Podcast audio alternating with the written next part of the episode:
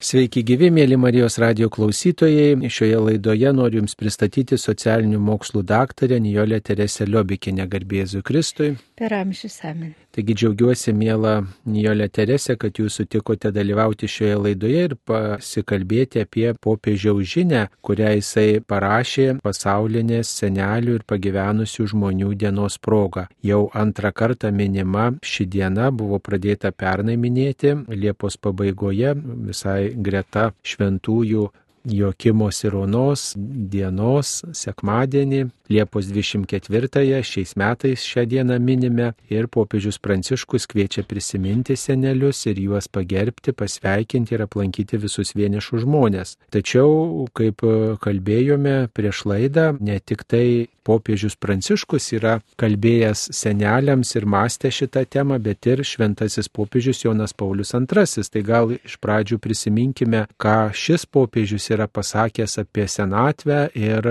kokiom aplinkybėm jis tai pasakė. Ačiū labai, kad pakvietėte ir tikrai malonu kalbėti. Manau, kad gana aktuali tema.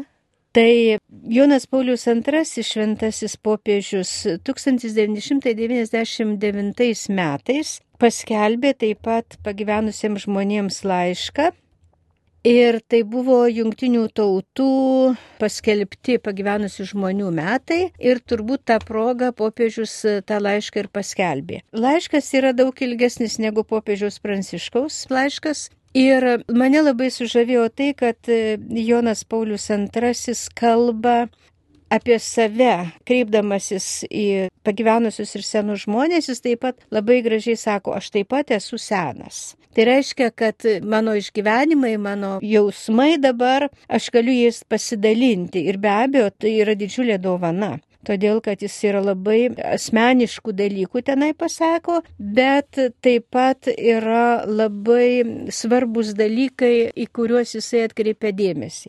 Na tai pirmas dalykas yra tai, kad jisai sako, kad seni žmonės turi daug išgyvenimų ir kad tai yra karta, kuri jau išeit ruošiasi. Tai yra karta, kuri e, išgyveno antrą pasaulinį karą ir visus baisius dalykus, kurie tuo metu vyko ir po to vyko. Ir šitie išgyvenimai žmonėms yra labai skausmingi ir jisai tą paliūdėja pats, bet vis dėlto sako, kad nereikėtų sustoti ties tais labai skausmingais išgyvenimais tik tai kaip apie blogį, bet taip pat pagalvoti ir pamastyti, kad kiekviename tokiame skausmingame dalyke gali būti ir daug na, gėrio, tai atrasti tą gėrį ir tuo dalintis, lygiai taip pat kaip dalintis tais visais skausmingais dalykais, kurie irgi yra tam tikra prasme turtas. Tada jisai kalba apie širdies išmintį. Kad išmintis nėra tik tai protas, bet kad ir širdis yra reiškia per tam tikrus jausmus ir tą širdies išmintį seni žmonės turi dažniausiai ir kad tai yra labai svarbu.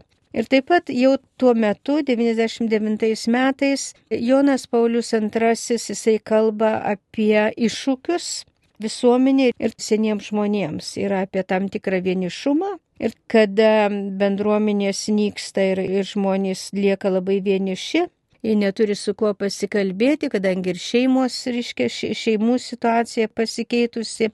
Tada jisai sako, kad primena eutanazijos pavojų. Dabar jau mes žinome, kad tai yra labai išplitęs dalykas ir jisai sako, dažniausiai seni žmonės gali prašytis eutanazijos dėl to, kad jie jaučiasi atstumti ir niekam nereikalingi ir labai vieniši. Tai jisai sako, kad mes turime apie tai galvoti ir suteikti pagalbą ir um, ugdyti e, kituose žmonėse pagarbą praeičiai. Kad praeitis nėra tai, ką galima išmesti iš šiukšlių dėžę, čia taip jisai nesakė, čia aš sakau. Bet kad ta pagarba praeičiai ir atrasti tos praeities dalykuose tam tikrus dalykus, kurie yra labai svarbus. Ir kas yra labai svarbu tais laikais, jisai sako, kad pagyvenę žmonės, jie gali labai gražiai dalyvauti kaip jisai sako, ramiai dalyvauti evangelizacijos procese. Ir be abejo, kad tas dalyvavimas yra, na, žinoma, ir asmeninis santykis, bet kartu ir malda. Tada labai man padarė įspūdį, kad Jonas Paulius II sako, kad kalbant apie išėjimą, nes senas žmogus vis tiek, visi mes einam link mirties. nu, sako, natūralus išėjimas, bet tai nėra natūralu. Tai yra, jo negalima išgyventi kaip natūralų. Reiškia, kad tai yra dalykas, kuris yra sukeliantis baimę, tam tikrą nežinę ar ne, ir sako, kad tik krikščioniška viltis gali padėti mums priimti tai, kas mūsų laukia. Tai čia taip labai trumpai Jono Pauliaus antrojo laišką pagyvenusiems žmonėms, va, tokius dalykus galima atrasti. Be abejo, šitas laiškas yra internete ir žmonės gali paskaityti ir tai yra labai daug minčių kyla apmąstymui. Tai čia Jonas Paulius II tarsi pradėjo tokią popiežių žinių epopėją, kuri tikime tęsis ir štai popiežius Pranciškus jau antrieji metai, kaip um, skelbia pasaulinę senelių ir pagyvenusių žmonių dieną ir tą progą išleidžia žinutę. Ir šių metų žinia senatvėje jie neša vaisių. Tai ištrauka iš 92 psalmės 15 eilutės. Tai yra pagyvenę žmonės, seni, neša vaisių, kai atrodo, kad jau senatvėje nieko nėra, jie neša vaisių. Tai Galbūt kas jums šiame laiške, šioje popiežiaus žinioje pasirodė nauja, pasirodė įdomu, į ką popiežius atkreipia dėmesio, galbūt tie vaisiai, kuriuos galėtų nešti seni žmonės ar dar kas kitas. Iš tiesų, tai yra ne toks, kaip pasakyti, intimus pasidalinimas kaip Jono Pauliaus antrojo, kuris iš tiesų dalinasi savo senatvį ir sako, aš taip pat esu senas, reiškia, žinau, ką aš kalbu, Tai jo, e, popiežius Pranciškus taip trupučiuką lyg ir iš nuotolio trupučiuką kalba. Nu, taip pat jis yra pagyvenęs taip, žmogus jau. Irgi pagyvenęs žmogus. Amžiaus. Aš kartais juokauju, kad na, e, seni žmonės labiausiai yra gerbiami bažnyčioje, todėl kad popiežiaus jauno beveik, nu, nežinau, bent ne vieno. Nu, jauniausias, ko gero, dabar buvo Jonas Paulius, bet jau irgi buvo, kaip sakant, įžengęs, ar ne, o taip visi jau taip sakant. Ir jie turi ką veikti, bet čia, žinoma, dalykas šiaip jau pajuokavimui, ar ne? Popiežius Pranciškus vėlgi, kalbėdamas apie tai, kad senatvė šventam rašte yra daug senų žmonių, kurie yra su pagarba visada minimi, tai šiuo metu jisai sako, kad įsivyroja tokia atmetimo kultūra. Atmetimo ir atsimetimo, aš tai pasakyčiau, atsimetimo kultūra, todėl kad senatve bodimasis jinai pasidaro tokia baisiai nelaukta, kaip kokia nežinau kas. Ir popiežius Pranciškus labai gražiai pasako, kad žmonės stengiasi nepriimti senatvės. Ir um, nuvyti tą senatvę, ar ne? Ir sako, nu kažkaip, nu nenuostabu, nes popiežius Pranciškus sako taip, nes nėra gyvenimo vizijos. Yra nusivylimas. Ir iš tiesų mes turėtume labai pagalvoti visuomenėje, kas atsitiko mūsų visuomenėje, kad mes taip ne tik, kad negerbėme senų žmonių, mes aplamai negerbėme žmonių. Ir mes aplamai negerbėme gyvybės. Ir iš tiesų dabar tas įgavo tikrai tokį mastą, kad tas senas žmogus iš tiesų, reiškia, jisai nėra gerbiamas kaip žmogus, kuris turi patirtį, kaip jis turi praeitį, kuris gali daug ką papasakoti, bet kaip našta. Ir žmonės šito vengia Ir daugybė senų žmonių melžiasi, kad tik nereikėtų gulėti ant patalo, kad tik mano protas ne, reiškia visai ne, neužgestų, ta prasme, kad aš tada aš jau visai niekam nereikalingas. Visuomenė taip elgėsi su senai žmonėm, kad jų savęs neįgymas ir senatvės neįgymas, ne taip kaip Senajame testamente, jis tiesiog yra išbujojęs ir iš tiesų senam žmogui šiandien yra labai sunku.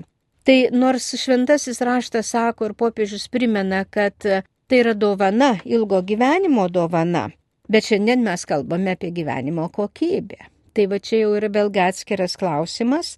Ir sako, kad sudėtinga iš tiesų tą senatvę suprasti ir ją priimti. Ir čia jisai pateikė maldą, kad viešpatie, vat, nesunk mane senatvėje, ar ne, nepalik manęs. Iškia vėlgi jisai nukreipia mintį ir gyvenimo mąstymą į, į tikėjimo dalykus. Tada jisai taip pat primena, kad būti senu reikia mokytis. Ir kad senėjimas tai turi būti aktyviai išgyvenamas. Reiškia, tai, ką tu gali daryti, tu turi daryti. Ne tai, kas tau atrodo, kaip aš jaunas buvau, tai dariau tą, bet tai, ką tu dabar turi daryti senatvėje. Ir kiekvienas tas žmogus pagyvenęs ir senas žmogus gali rasti, ką jisai dar gali daryti. Ir žinoma, jisai kalba, aš kažkaip galvoju, kad tai yra visai naujas terminas, kur jisai naudoja, kad seni žmonės turi gausinti arba turi skleisti švelnumo kultūrą. Tai popiežius net ir tokį terminą pavartoja švelnumo revoliucija. Taip. Tai ką čia turi galvoj jisai? Kad e, turbūt taikiu būdu. Taip, kad meilės būdu. Kad tie seni žmonės, jie gali savo maldą, meilę, užuojautą, išklausimų, visai taikiais būdais priimti ir save, ir pasaulį, ir taip pat atlikti tą švelnumo revoliuciją melsdamiesi ir dalyvaudami tiek, kiek jie gali, bet nereiksmingai, ne kažkaip piktai, kas yra labai sunku, jeigu senas žmogus neturi daug tikėjimo arba yra labai sužeistas, tai yra labai sunku, mes kartais matome, kokie mūsų seni žmonės yra pikti. Tai tas yra iššūkis ir jisai kalba, kas yra malda, kad malda tai dažniausiai, nu, nėra vien tik tai, tai kad poterių kalbėjimas, bet tiesiog tu gali stovėti ištiesomis rankomis ir būti Dievo akivaizdoje. Ir taip pat jisai tarsi paragina dar kartą, kad visuomenė, reiškia, žmonės turi gyventi taip, kad seni žmonės nesijaustų niekam nereikalingi ir vieniši, užmiršti, Tai yra prašo lankyti vienišus ir pagyvenusius žmonės, prašo su jais kalbėtis ir iš tiesų Čia aš tiesiog galvodama apie popiežiaus pranciškaus laišką galvoju, kad šiandien mes nepaprastai daug prarandame, tiesiog ignoruodami senus žmonės, juos nurašydami, nesikalbėdami su jais ir neišklausydami, o a priori sakydami, ai nu tai ką jau čia suvaikėjęs kvailas ir nieko nežino.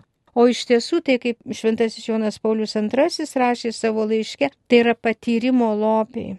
Tai yra patyrimo, tai yra istorija, bet ta istorija yra žmogiška istorija, net įvykių istorija, bet išgyvenimo istorija. Ir mes galėtume turėti labai didelės pamokas, mes galėtume papildyti savo jaunų žmonių žinojimą tą patirtimi ir tais išgyvenimais ir galų galėtais išgyvenimo modeliais, kas padėjo jiems tokiu sunkiu metu išgyventi ir galėtume daug išmokti. Bet čia jau reikia mums dar kartą pamastyti apie šitos popiežių laiškus ir galbūt pagalvoti ir seniems žmonėms, ir ypatingai tiems, kurie dar neseni, nes tai yra kelias, kuriuo tu eini viskas, čia niekada negryši. Ir tas atmetimas senatvės, kuris dabar yra labai populiarus, nes kartais, nu taip įsijaučia ir seni žmonės, kad jie ten ir pradeda visokius dalykus daryti, ir grimą, ir, ir, ir visokias ten savo kūną tobulinti, kad jis būtų jaunas. Ir vaidinti jaunus žmonės, kas sukelia tik tai juoką, nes tu matai, kad žmogus nepriima, bet iš tiesų pagalvoti, kad tai yra irgi tavo turtas, tai yra tavo kelias. Tai čia yra iš tiesų labai daug apie ką pagalvoti. Popiežius Pranciškus šitoje žinioje, kuri vadinasi senatvėje, jie neša vaisių, tiesiog atkreipia dėmesį, kad senatvė ateina netikėtai. Tai atrodo truputį keistas dalykas, kai mes žinom, kad mūsų seneliai buvo vat, štai tokio amžiaus ir jie vat, jau buvo netaip ne, ne darbingi ir jie gal maldai daugiau atsidėjo ar tiesiog tokiam buvimui veikla, veiklos rytis sumažėjo, arba mūsų kiti pažįstami žmonės, bendradarbiai ten kaimynai ir panašiai. Ir kaip mes panašaus amžiaus sulaukiam, tai tada irgi natūralu, kad mes prisijaukinam tą mintį. Kodėl vat, popiežius tą atkreipia dėmesį, kad ateina netikėtai? Ar iš tiesų senatvė ateina netikėtai, kaip jūs manote? Aš manau, kad, žinote, kaip yra su tuo netikėtumu. Juk logiškai kiekvienas mes žinome, kad senstame. Natūralu. Bet širdis tai jauna. Ir jinai lieka jauna. Ir tada, kai tu staiga pamatai, ne, nepalauk, aš galėjau, bet dabar jau nebegaliu. Tai va čia ir yra tas netikėtumo standartas. Tai sunku susitaikyti su savo e, ribotumu. Ir Jonas Paulius II gražiai apie tai kalba jau savo laiške. Jis kalba labai nuoširdžiai ir naudoja savo patirtį, nes jis jau tuo metu buvo pasiligojęs ir, ir senas. Bet iš kitos pusės va tas pasirengimas senatviai. Nes atrodo, kad dar gali. Ir tą padarysiu, ir aną padarysiu, ir trečią padarysiu, ir dar tą galiu. Ir staiga tu suvoki, kad negali. Jau nebegali. Ir tai yra, na, toksai, aš pasakyčiau, labai rimta krizė. Ir tas pasirengimas senatviai pas mus jau, na, kažkaip išėjo iš mados, nes jaunystės kultas, ar ne? Bet tas pasirengimas senatvė, tai yra tam tikra prasme išgėdėjimas tai, ko tu jau nebegali, išgėdėjimas to, kad, na pavyzdžiui, išėjimas iš darbo, ar ne? Iš darbo, kurį tu labai myli, kur labai ryškia tau sekasi ir taip toliau. Bet tu žinai, protas sako, nu palauk, nu ne, ne, nedirbsi čia iki 80 metų yra jauni žmonės, jiems reikia nu, galų galę ir tai, kas anksčiau būdavo labai lengva, dabar jau atrodo sunku, na ir ateina laikas, nebereikalo duoda mums pensiją nuo tam tikrų metų. Bet tas išėjimas iš darbo tai yra tokia krizė. Ir taip netikėtai, žinai, čia taip dirbau ir taip viską dariau ir ką aš dabar turiu daryti. Ir tai yra klausimas, ar aš esu pirmas dalykas pasiruošęs su tuo sutikti, nes tai nėra Nu, lyg ir tikėtas, ar ne? Bet tai, kaip tu jautiesi tada, kai tu jau žini, tikrai netikėta. Galų gale kiekvieną kartą, juk ta senatvė tai jinai eina, kaip pasakyti, pirmin, bet žmogus jau eini žemyn. Ir labai seni žmonės, aš turėjau laimę pažinti labai daug ir mano šeimoje, ir mano aplinkoje nepaprastai šviesių senų žmonių. Ir labai daug iš jo išmokti. Tai sakydavo, hm, Nu va, taigi galvojau, kad dar galiu, o jau nebegaliu, jau to negaliu daryti. Nu jo, nu bet galiu ką nors kitą daryti, ir ne? Ir tada tą prieimimą nesu pykčiu, nesu kerštu, nesu bandymu daryti tai, ką aš jaunystėje dariau ir dabar turiu, žiūrėkite, nu kaip, reiškia, kokio seno žmogaus labai nemėgstant, to, kuris piktas visus mokina, piktai, kaip turi būti, žinai, taip ir taip toliau, kritikuoja ir taip toliau. Tai pragaras, pragaras tam žmogui ir, ir kitiems su juo pragaramas. Bet jeigu žmogus, žinai, nu jo, jis išgyveni tą skausmą ir jis sakai, nu gerai, ką aš galiu dabar daryti. Ir nenustoti daryti tai, ką gali daryti. Ir pavyzdžiui, netgi, nu, kažkada teko organizuoti šeimos centrus ir pagalbą juose šeimoms ir buvo sunkus laikas, Tai viena mano jau dabar amžinatilsi draugė amžinybė sako, klausyk, žinok, tu turi pasirūpinti, nu jūs čia kaip kareiviai, žinai, einate, bet kur jūsų užnugaris, savo apie ką tu kalbė, apie kokį užnugarį. Amaldos užnugaris. Nu tai sakau, tai tu ir melski, žinai. Aišku, juokas, bet, tai prasme, jis sako, ne, ne, ne, ne, ne. Ligoniai, seneliai, prašyk, kad jie melstųsi šeimos centrus už šeimas ir visa kita. Ir aš iš tiesų daug žmonių sutikau ir, ir sergančių, ir kaip paprašytas, ah, kaip gerai aš už jūs melsiuosi. Aš už jūsų veiklą melsiuosi, už ten šeimos centrus, už pagalbą šeimoms. Ir tai yra didelė prasme. Jeigu mes esame tikintys, tai tada mes turime irgi žinoti, kad niekada mūsų misija nesibaigia. Ir lygiai taip pat ir popiežius Pranciškus dabar kalba. Kalba ir Jonas Paulius II apie tai kalba, pasiruošimas mirčiai. Daugybė žmonių sako, kodėl Dievas mane užmiršo.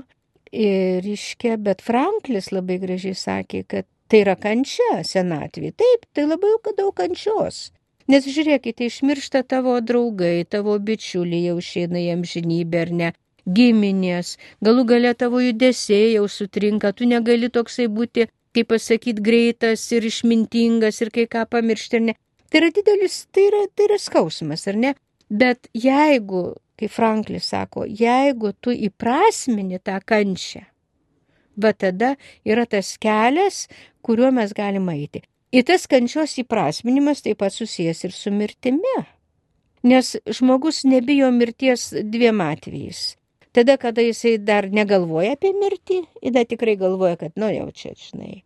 Arba tada, kada jau gyvenimas yra toks pragaras, kad mirtis atrodo na, pavyzdžiui, skausmas didžiulis arba, na, kaip mes žinome. Bet šiaip tas, bet man atrodo, kad Vinsas Mykolaitis Putinas vienoje savo eilėraščių yra parašęs, kad giliai į sielą, reiškia, gyvybės gyvatė yra giliai tavyje, reiškia, tu nenori mirti ar net tu nori gyventi, tai tas yra iš tiesų tiesa.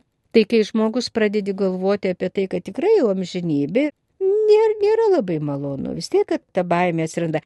Bet jeigu tu tą įprasmini, ar ne, jeigu žmonės yra išmokyti melstis ir jie sako, Dieve, bijau, bet žinau, kad tu būsi šalia manęs, tada yra lengviau. Tai va čia šitas maldos evangelizacija turbūt mokymas tų žmonių ir tame tarp ir senų žmonių, nes mes turime kartą, kur sovietmečių užaugo, neturi tokių dalykų, kaip, pavyzdžiui, mūsų tėvai ir seneliai turėjo. Jie tiesiog turėjo tą, jie gyveno savo tikėjimą, ne? Tai dabar gal reikia tiesiog evangelizuoti ir senų žmonės. Nes rusai sako, senatvė nedžiaugsmas. Jis gali būti džiaugsmas, bet jeigu tai yra įprasminta senatvė. Jeigu tu, kaip Franklis sako, Mesina irgi rašydamas apie Pranciškos įžietį, kalba, kad kaip jisai įprasmino kančią, ne, tai, tai va, tai tada mes turime labai daug turto, kabutėse dvasinio turto, kur, na, amžinybėje rasim procentus, tikriausiai. Tai va čia yra tokia problema.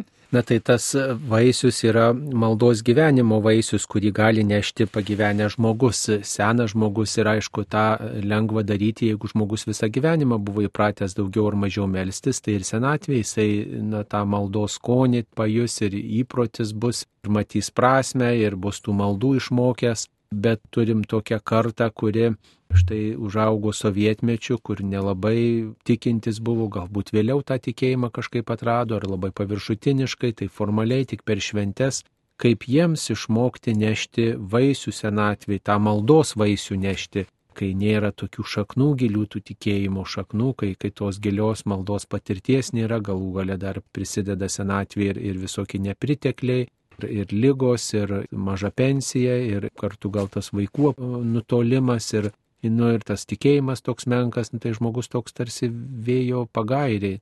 Karys vienas tame mūšyje, senatvės mūšyje. Man atrodo, kad popiežius Pranciškus ir rašo jau, nu dabar jau bus trečias laiškas ar ne, nes vienas Jono Paulius antro, dabar du popiežius Pranciškaus laiškai jau Jonas Paulius II kalba apie tą visuomenės tokį susvetimėjimą, nes ne tik pas mus, net ir tose valstybėse, kurios gerai gyvena, kurios yra demokratinės, irgi yra toks sekularizmas didžiulis ir senas žmogus irgi jis gali ir, ir prašosi visokių dalykų kaip eutanazija ir ko nors. Bet aš nežinau, man atrodo, kad šitame laiške irgi apie tai rašoma, galbūt netiesiogiai, bet Niekaip kitaip mes negalime padėti žmogui kančioje tik per santyki. Aišku, aš nekalbu apie fizinį skausmą. Tai fizinį skausmą iš tiesų, kaip e, vienoje knygoje rašė, reiškia apie eutanaziją, kad eutanazija dažnai yra siūloma, jeigu labai dėlis skausmas, bet ten buvo labai autorius rašo, sako, amerikietis beje, sako, jeigu jums sako gydytojas, kad negali numalšinti skausmo, pakeiskite gydytoją. Nes šiandien 21 amžiuje iš tiesų galima numalšinti skausmą, yra priemonių, tik tai reikia noro ir rūpeščio. Bet tikriausiai žmogus, fizinis skausmas tai, bet tas moralinis skausmas, apleistumas, nereikalingumas, kaltė dėl mano pragyvento gyvenimo, kur aš noriu vienaip ar kitaip, tai aš čia matau, kad tas raginimas aplankyti senų žmonės, tai ne šiaip savo formaliai, nu jo, aplankiau dabar tave, nu tai kaip tu gyveni. Ne, tai reiškia skirti tam žmogui laiko ir paklausti, gal papasakok man apie savo gyvenimą ar nepapasakok. Ir tam reikia laiko ir tam reikia noro. Ir tik tai per tam tikrą išklausimą, kada žmogus pajus, kad mes tikrai su atida jo klausome, tada mes galime jau kalbėti apie tai, ką aš darau savo senatvėje arba kas man padeda, gal ir jum padėtų. Ir tai toksai, va ta švelnumo revoliucija tai ir yra. Neteinu ir sakau, nu tai žinai, atsiversk va. Pakviesiu kunigą va čia, žinai, prieis iš pažinties į tau bus lengviau. Ne, ne, ne, ne, ne. Čia aš taip šaržuotai, bet kartais tai pasitaiko. Bet ta švelnumo revoliucija tai yra, kad tu švelniai prieini prie to žmogaus nuo ten, kur jis yra, kad tu jo klausai, tas nėra lengva beje, Ir tada galvoju, gal galėtų, o žinai, aš galvoju taip, o, o gal kartais tas. Ir kartais žmonės, kurie irgi yra pikti, tai jie pikti ne dėl to, kad konkrečiai ant gyvenimo jie pikti, nes labai daug skausmo turi. Tai vad būtent ta švelnumo revoliucija yra, kad pirmiausiai mes turime parodyti savo švelnumą, Ir tada tie žmonės, kaip jūs sakote, reiškia, Dievas duos malonę.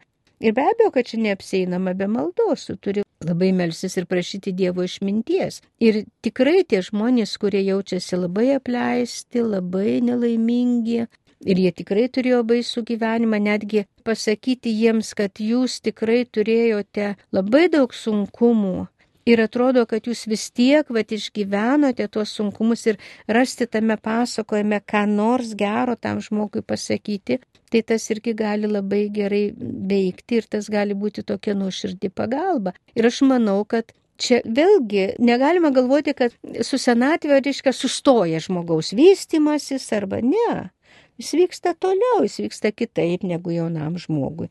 Bet kodėl ne, tas žmogus iš tiesų gali pasijusti mylimas. Nu, jūs kalbate apie tuos žmonės, kurie yra šalia tų vyresniųjų ir, ir jie, reiškia, tą švelnumą kviečiami pastebėti ir švelniai išklausyti, kantriai išklausyti. Dažnai sakoma, kai tu nori kažkaip pabūti šalia seno žmogaus, pastebėk ten e, savo mamą, savo močiutę, savo tėvą, savo senelį.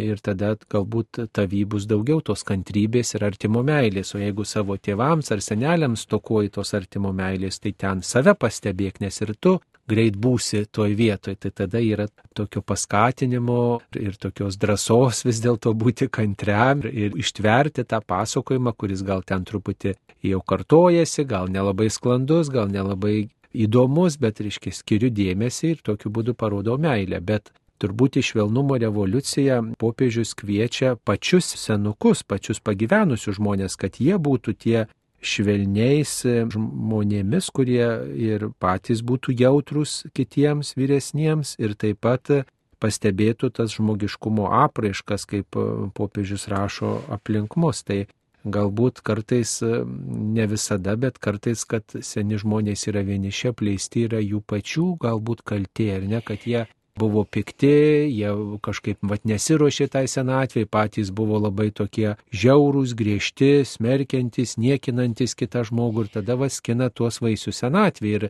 galbūt nevėlu dar ir tam vyresniam žmogui ir padėkoti ir paprašyti, kai Pavyzdžiui, kaip malonu, kai žmogus nusišypso senukas, kai jisai padėkoja tau, kai jisai pakviečia tave ateiti, ačiū, kad atėjai, ačiū, kad tu aplankėjai, labai tavęs laukiau, kad, vat, nu, tiesiog, vat, pats žmogus gali irgi būti tas, kuris truputį, na, vat, paprovokuoja kitą tą ateinantį, aplankantį, vat, ir...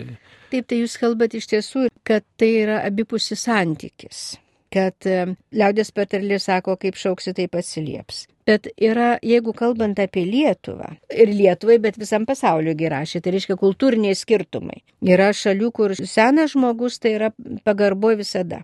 Dabar pas mus yra man rodosi, kad yra labai daug problemų. Kodėl? Todėl, kad kai šitie seni žmonės nebuvo dar seni, labai dažnai jie dėl vienu ar kitokių priežasčių, dažniausiai dėl sistemos bėdų, labai dažnai neturėjo laiko parodyti tikros meilės savo vaikams.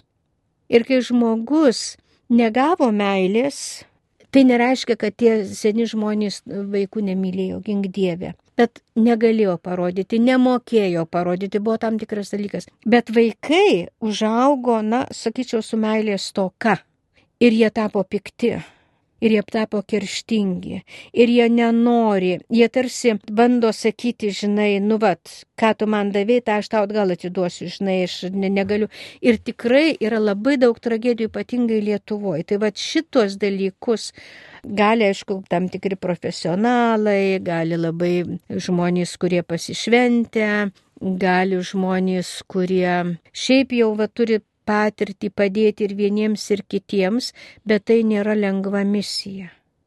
Nes mano kartos seni žmonės, tai buvo taip, kaip jūs sakėte buvo nuostabus. Už viską dėkingi, visko džiaugiasi, už viską dėkojo, sakė dar kaip gerai, kad galiu pasimelsti, į man viskas gerai ir ne, ir buvo tokie visada su šypsena, o jeigu trupučiuką ten ašarėlės pasirodė dėl kažkokių tai pergyvenimų ar ko, jie buvo tokie, nes vis dėlto ta karta užaugo Nors labai daug kentėjo paskui, bet nuo vaikystės buvo daug buvimo su, su mama, daug buvo meilės ir tame tarp ir to tikėjimo. Dabar yra sekularizuota visuomenė, tai vienas dalykas, kada mes kalbam apie gyvenimo kokybę. Kokia čia gyvenimo kokybė ant lovos gulė. Ne? Arba, žiūrėkite, netgi nepagarba žmogui pasireiškia ir tam tikrais posakiais. Pavyzdžiui, ai, nu, jau šitas tai daržovė. Žmogus niekad nėra daržovė, jis yra žmogus. Bet tas parodo mūsų požiūrį į silpnesnį į seną, į neįgalų ir taip toliau. Ir tas požiūris yra labai labai plintantis kaip epidemija. Ir tada aš nemoku mylėti, bet norėjau, kad mane mylėtų, bet nedavė man to, tai aš neišmokau mylėti ir dabar aš nežinau, ką su jais daryti. Ir tada aš pasiimu gyvenimo kokybės vėliavą ir sakau, o jo, reikia rūpintis gyvenimo kokybę. Tai arba atiduoti kur nors, kad toliau nuo manęs, nu, žinoma, praverstų ir tam tikri dalykai, kur, vad, kaip eutanazija, tai yra dabar taip gražiai populiarinama per filmus ir taip toliau, žodžiu. Ir, ir netgi vienas garsus labai psichoterapeutas parašė knygą su savo žmona, kuri irgi pareikalavo eutanazijos ir ne. Tai va čia jau yra tas dalykas, kuris yra, tai mūsų visuomenė yra labai toksai užaštrintas ir sudėtingas. Tai dabar ką? Nu, galima auklėtos senus žmonės, pasakyti jiem, jeigu jie priima, bet, nu, čia yra sunku, gal tada geriau pradėti jaunus žmonės auklėti, net ir nežinau, bet švelniai ir sužuojauta. Dar vieną dalyką pasakysiu, su senais žmonėm, ypatingai su sergančiais, ypatingai su pažeistais, yra labai sunku bendrauti, nepaprastai sunku bendrauti. Tai todėl, nu, kartais, va, irgi būna labai sudėtinga, kad ir noriu to bendravimo senas žmogus, aš kalbu apie tos, kurie tikrai labai pažeisti viduje, aš ir noriu ir kartu viską padarau, kad nuo manęs visi bėgtų. Ir jeigu tas perskaito tą žinutę, žinai, kad, nu jo, matau, kad jūs dabar piktas, bet, nu vis tiek pasėdėsiu su jumis. Bet čia reikia jau šventos kantrybės ir tam tikrų žinių, ir tai nėra lengva. Kodėl popiežius naudoja tą švelnumo revoliuciją? Revoliucija visada rodo didžiulį perversmą. perversmą. Tos revoliucijos reikia pirmiausiai mums. Nu, bet to visiems reikia turbūt revoliucijos švelnumo, kad būtų daugiau artimo meilės, kitaip sakant, to perversmo, to noro keistis ir tam vyresniam žmogui, kuris visą gyvenimą buvo gal reiklus, piktas toksai, kuris reikalavo, skubėjo, dabar va užgriuvo senatvė, lyga, kad tikrai suprastų, jog reikia dabar keistis, jau tu dabar negali čia diktuoti ir kad visi šokinėtų pagal tavo dudelį ir tavo artimieji, ir gydytojai, ir ir lankytojai, ir slaugytojai, ir, ir seselės, ir visi, kad čia, vienu žodžiu, kaip pasakeitų, taip ir būtų. Jau reikia persiorientuoti į švelnumą, į kantrybę ir į tą tokį pagarbų būdą. Ir man tai buvo labai gražu, kad šitam laiške senatvėje jie neša vaisių popiežiaus žinutėje pagyvenusių ir senų žmonių dienai. Tokia e, žinutė, kad vyresni žmonės, seni ir pagyvenę žmonės gali mokyti taikaus gyvenimo būdo. Taigi čia labai turbūt svarbu vyresniems žmonėms būti tais vienytojais, o ne skaldytojais, tais, kurie gali, na, vienyti ir šeimą, ir giminę, ir, ir tiesiog paskatinti, susitaikyti, kaip tik tai patys stovėdami ant tokio išėjimo slengščio, reiškia patys galvoti apie savo atsakomybę prieš Dievą, bet kartu ir, ir užgesinti tuos konfliktus, kurie mato, kad čia šeimoje yra, o ne tai, kad ten skatinti ar kurstyti ar pasiduoti vieno kažkurio tai įtakai, bet kaip tik tai žiūrėti, kaip tiesti tiltus. Taip, tai labai gražu, bet senatvė tu iš tiesų skini vaisius, vienus ar kitus. Ir jeigu tu visą laiką galvoji, kad tu esi virš visų, arba tu esi labai skaudintas, ir dėl to skaudini kitus, iš tiesų taip yra, tai tada yra labai sunku tai, ką jūs sakot, nes daugybė atvejų yra, kada senas žmogus išardo šeimą. Priekaištai savo. Ne tik yra daug visokiausių dalykų šeimos išardymui. Priekaištais ir taip toliau, bet reiškia bandymu užimti sutoktinio vietą, ar ne ta prasme, kad aš esu čia svarbiausia, ne tavo sutoktinis arba sutoktinė. Turit galvoj sunaus ar, ar Sunaus dukters. arba dukters, reiškia labai daug atvejų. Yra labai daug atvejų, kur jeigu, matot, čia vėlgi, kai mes kalbam apie senatvę, tai jau dabar turime ruošti žmonės senatvį. Ir pavyzdžiui, kas šiandien kalba, nu, tik tai, man atrodo, kad filosofas Jokubaitis kalba apie tai, kad šiandien mes kalbam daug apie vertybės, o turime kalbėti apie dorybės. O dorybės reikia užugdyti. Tai va, kas šiandien kalba apie dorybę ugdymą? Pavyzdžiui, jeigu tu neįsiugdėjai darybės kaip nu, tam tikros kantrybės ar pakantumo ar ten kitokių, tai kaip tu senatvėje jau labai yra sunku mokytis. Bet galima, nereikia nurašyti savęs. Galima, mokytis, mažai žingsneliais. Taip, galima, bet tada jo, tada klausimas, kas tą darys. Nu, pats žmogus. Jeigu jisai galvoja, kad e, to reikia, bet jeigu jisai galvoja, kad aš visada teisus ir visi kiti mane skriaudžia. Aš, aš noriu taip, jūs vis, visai teisingai sakote ir taip reikia, bet klausimas, reiškia, kaip, man atrodo, kad jau dabar mes turime galvoti apie tai ir netgi kalbėti su jaunais žmonėmis ir vidutinio amžiaus apie senatvę. Juk senatvė yra, va dabar mes kalbam ilgai apie tai, bet tai yra beveik tabu tema. Mes kalbam apie jaunus, apie energingus, apie veikiančius, apie daug galinčius, nu, na, sena, nu, senukai, nu, vaitumai. O gal reikėtų? Nes dar vienas dalykas, visuomenė tai labai sensta ir labai greitai sensta. Ir mes turim baisų dalyką, Pats baisiausias dalykas dabar va šitom dienom, kai aš girdžiu per radiją, kad abortas yra moters teisė, ne tik tai kaip moters teisė, bet konstitucinė teisė. Tai dabar išvertus, nes ką reiškia abortas, tai išverskime į paprastų žmonių kalbą, tai reiškia nužudimas yra mano konstitucinė teisė. Tai tada nužudimas ne tik negimusiu nužydimas visų, kurie yra silpni, nereikalingi, negalintis. Ir va čia jau irgi mūsų darbas yra pasiruošimas senatvė, bet kartu pasiruošimas ir klausimas, kaip Jonas Paulius II labai aiškiai pasakęs yra, mes gyvename mirties kultūroje. Ir mes turime dabar susirūpinti gyvybės kultūros skleidimu, o tai nėra lengva. Tas prasideda nuo jaunų žmonių. Nu, jaunam žmogui turbūt natūralu, kad rūpi skinti dieną, kaip sakoma, džiaugtis gyvenimu ir jisai nesusimasto, kaip tas žiogelis e, groja ir, ir gėrisi vasarą ir nesusimasto, ką žiemą darys, kur pasidės arba rudenį vėlyvą. Tai kai ateina tas ruduo dažniausiai, tada žmonės susigriebia ir susimasto. Nelauktai ateina. Už tai popiežius ir kalba, kad nelauktai, netikėtai ateina. Bet žinote, senas žmogus, jeigu jis turi daug meilės, pavyzdžiui, nepaprastai daug gali padėti vaikams.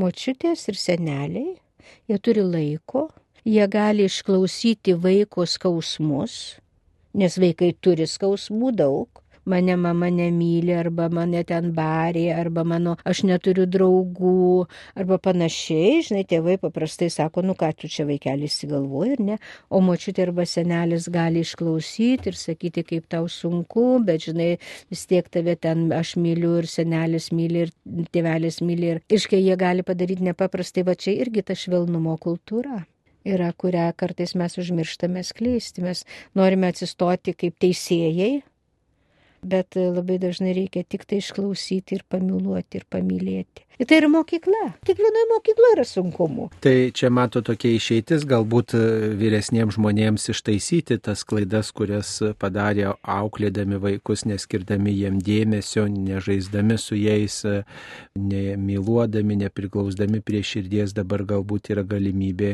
anūkus, jeigu tokių yra žinoma, bet jeigu anūkų nėra, kaip sakant, kalbate apie tai, kad sensta visuomenė, tai reiškia vaikų mažėja, nėra vaikų, nėra anūkų, nėra mažų, tai kam tada tą meilę parodyti vyresniam, tai galbūt belieka tik tai iš tiesų tik tai malda, taisyti savo gyvenimą, kiek dar galima. Ir čia dar tokia labai graži yra mintis šitame laiške senatvėje jie neša vaisių, kurią popiežius parašė pasauliniai senelių ir pagyvenusių žmonių dienai. Tai toks kvietimas vyresniems žmonėms būti maldos poetais. Tai čia man labai atitinka popiežiaus mintis, kai jisai kalba apie tikėjimo kūrybingumą kad tikėjimas turi būti kūrybingas, tai ir malda turi būti kūrybinga. Ir čia vyresniam žmogui atsiveria nepaprastai dideli horizontai būti maldos poetais. Iškia melstis taip, kaip jaučia širdis ir improvizuoti ir tikrai leisti savo tą daryti. Mes dažnai Marijos radijui sulaukiam mm, įvairiausių tokių žinučių, klausimų, ar galiu melstis gulėdama, ar galiu melstis sėdėdama, ar galiu melstis ten savai žodžiais, ar ten eiliuotų tekstų ar panašiai, tai tikrai popiežius tam pritarė būti maldos poetais, taip kaip poetai kuria, leidžia savo žodžiai žongliruoti ir įvairius tekstus modeliuoti ir įvairiom aplinkybėm ir įvairiuose vietose rašo tą poeziją. Taip ir melstis reiškia galima įvairiausiomis aplinkybėmis ir įvairiausiais žodžiais. Tai ką apie tai e, e, manote, ar jums užkliuvo šita mintis, kad popiežius kviečia būti maldos poetais? Man atrodo, kad, na, dėl to poetų, tai nežinau, man galėtų duoti tūkstantį eurų, aš vis tiek neparašyčiau nei vienos eilutės poezijos. Bet čia aišku kita prasme. Čia tokia laisvė. Čia laisvė. laisvė ir esi, improvizacija. Dabar, jo, dabar ir poe, po, poetai kitaip rašo, ar ne? Bet žinot, jisai kalba apie labai aktualų dalyką. Aktualų dalyką aplamai apie mūsų maldos kultūrą ir apie mūsų tą, reiškia, gebėjimą, arba kitaip tariant, mus moko poterių. Labai, nu, nuo, nuo pat mažens, nu, sukalbėsi ten angelėlis ar gužėlį panašiai. Tai yra poterių kalbėjimas. Tai yra gerai, nu, vaikas, žinai. Bet, bet labai retai kas nors moko va tai, ką popiežius sako. Kad tu gali melstis kiekvieną savo minutę kad tu gali daryti, reiškia, labai kūrybingai ir sakyti Dievui, kaip pop, pop, aš prisimenu, aš turėjau tokią laimę, mano pop, ruoždama pirmai komunijai sakė, kai tu priimsi Jėzui savo širdį, viską jam sakyk, savai žodžiais kalbėk, nes jis girdi tave, jis yra. Ir tas, reiškia, toksai kad mes turėtume tikrai kalbėti žmonėms, o Marijos radija žinau, kad tikrai klauso. O čia yra galbūt mūsų misija ir pasitarnavimas ir seniems ir neseniems žmonėms, bet būtent apie tą O kas tai yra malda ir kad jinai yra to, kaip kiekvienas žmogus yra individualus, tai turbūt ir, ir ta malda, aišku, tai yra bendri dalykai, kur visa visuotinė bažnyčia kalba, tai mes to neneigiame, bet tam asmeniškam tokiam pokalbiui su Dievu žmonės kažkaip net nežino, kad tą gali daryti, o tas iš tiesų labai padėtų ir senatvėje, ir nesenatvėje. Kitaip sakant, ta laisvė, e, laisvė melstis taip, kaip, e, kaip, e, kaip noriu, kaip mano širdis diktuoja, o jeigu tiesiog negirdžiu to širdies ir, ir, ir tiesiog ar nemoku klausyti širdies, tai tiesiog turbūt įvairovė būtų tas ta pagalba, reiškia melstis kuo įvairiosniomis maldomis, kad ir iš to paties maldyno, ne tik tai ten litanė kalbėti, bet pavyzdžiui atsiversti galbūt ir sukalbėti ryto vakaro karo maldas, kurios maldynuose yra, galbūt sukalbėti maldas už taiką, maldas už bažnyčią, už šeimas, už, už, už, už mirusius, galbūt pasimelsti mm, liturginės valandas kartu su Marijos radiju, tiesiog va taip galbūt atsiversti e, švento rašto paskaityti, tai įvairovė, ta įvairovė, kur aš paskaitau, pamastau, kažką savo pridedu, patyliu ir jinai yra to kūrybingumo arba poezijos dalis, kaip kaip ir eilėraščiai nesikartoja, motyvai ir, ir žodžiai vis įvairesni, vis, vis kitokie, vis naujai, vis kitaip, taip ir ta malda tokia vis kitokia. Ir iš tiesų tai yra labai tokių, nu, kad ir, ir e, Pranciškaus Asižiečio Saulės gesmė, ar ne, nu, tai yra nuostabu, tai yra šedevras. Bet man teko, buvo išleista tokia knygutė Jono Poliaus antrojo maldos. Ir aš skaitau ir matau, taip jisai maldoj kalba apie, apie aktualijas, kas neramina, ko jisai prašo Dievo, už ką dėkoja. Yra tokios, nu, tiesiog pokalbio, reiškia tokia. Tai, Forma. Tai, tai jo, iš tiesų, bet vėlgi tai, tai yra iš tiesų mokslas. O kartais, pavyzdžiui, žmogus, kuris senas ar lygotas, ar, ar jam sunku, tai gali tiesiog atsidusėjimais pasimelsti ir ne viešpatė, žinai, ir, ir, Ir, nu va, tai čia Aš manau, kad tai yra e, turbūt e, jūsų laidų e, toksai didelis ciklas apie. Taip, apie tai čia nuolat, nuolat apie tai kalbam įvairiais būdais, tačiau vat, dabar yra proga kaip tik tai irgi apie tai priminti. Taigi, kaip galėtume apibendrinti šitą laidą, kurioje aptarėme popiežiaus žinę pagyvenusių ir senelių žmonių dienai, senatvėje neša vaisių. Tokia toji popiežiaus žinia, taigi kokių vaisių turėtų nešti senatvėje pagyvenę žmogus. Aš manau, kad pirmas vaisius tai turėtų būti tikrai nuoširdi kantrybė. Kantrybė ir savo, su savimi, todėl kad priimti savo pokyčius ir negalę, kai kokią, nu nebūtinai, kad, pažiūrėjau, negalėjimą daryti tai, ką visą laiką galėjai, kai buvai jaunas, ar ne? Tai reikia daug kantrybės ir tai jeigu mes turėtume va, tą vaisių kaip darybės išsiugdymą ir savo būtume pakantesni ir aplinkiniams, tai pirmas toksai dalykas. Kitas dalykas be abejo tai yra maldos gyvenimas, ir kad kiekviena tavo minutė būtų kaip malda viešpačiui ir dėkingumas.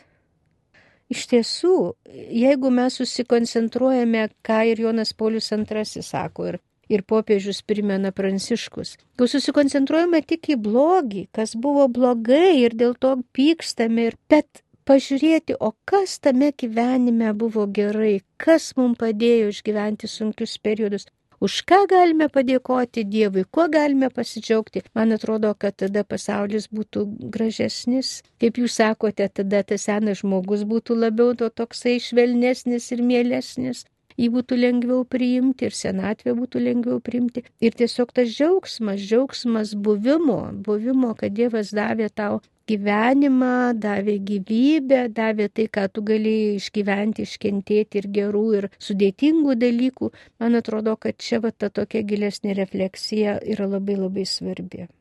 Mėly Marijos radio klausytojai, šioje laidoje su Nijolė Teresė Liobikinė, socialinių mokslų daktarė, šeimos centro bendradarbė savanorė, kalbėjomės apie popiežiaus žinę pasauliniai senelių ir pagyvenusių žmonių dienai, kuri šiais metais minima Liepos 24 dieną. Žinia vadinasi senatvėje, jie neša vaisių, taigi linkime, kad visi pagyvenę ir seni žmonės neštų gražių vaisių ir kitus mokytų taikaus gyvenimo būdo, jautrumo ir mokytų tikėjimo savo buvimu, savo ištikimybę Dievui, kuri to ištikimybė niekada neapseina be ištvermingo maldos gyvenimo, kuris gali būti kūrybingas, poetiškas, kaip ir rašo popiežius Pranciškus. Šioje laidoje Nijolė Teresė Liobekinė kalbino aš kunigas Saulis Bužauskas. Visiems linkiu priimti su dėkingumu senatvę ir visas negandas. Ačiū, sudė. Sudė.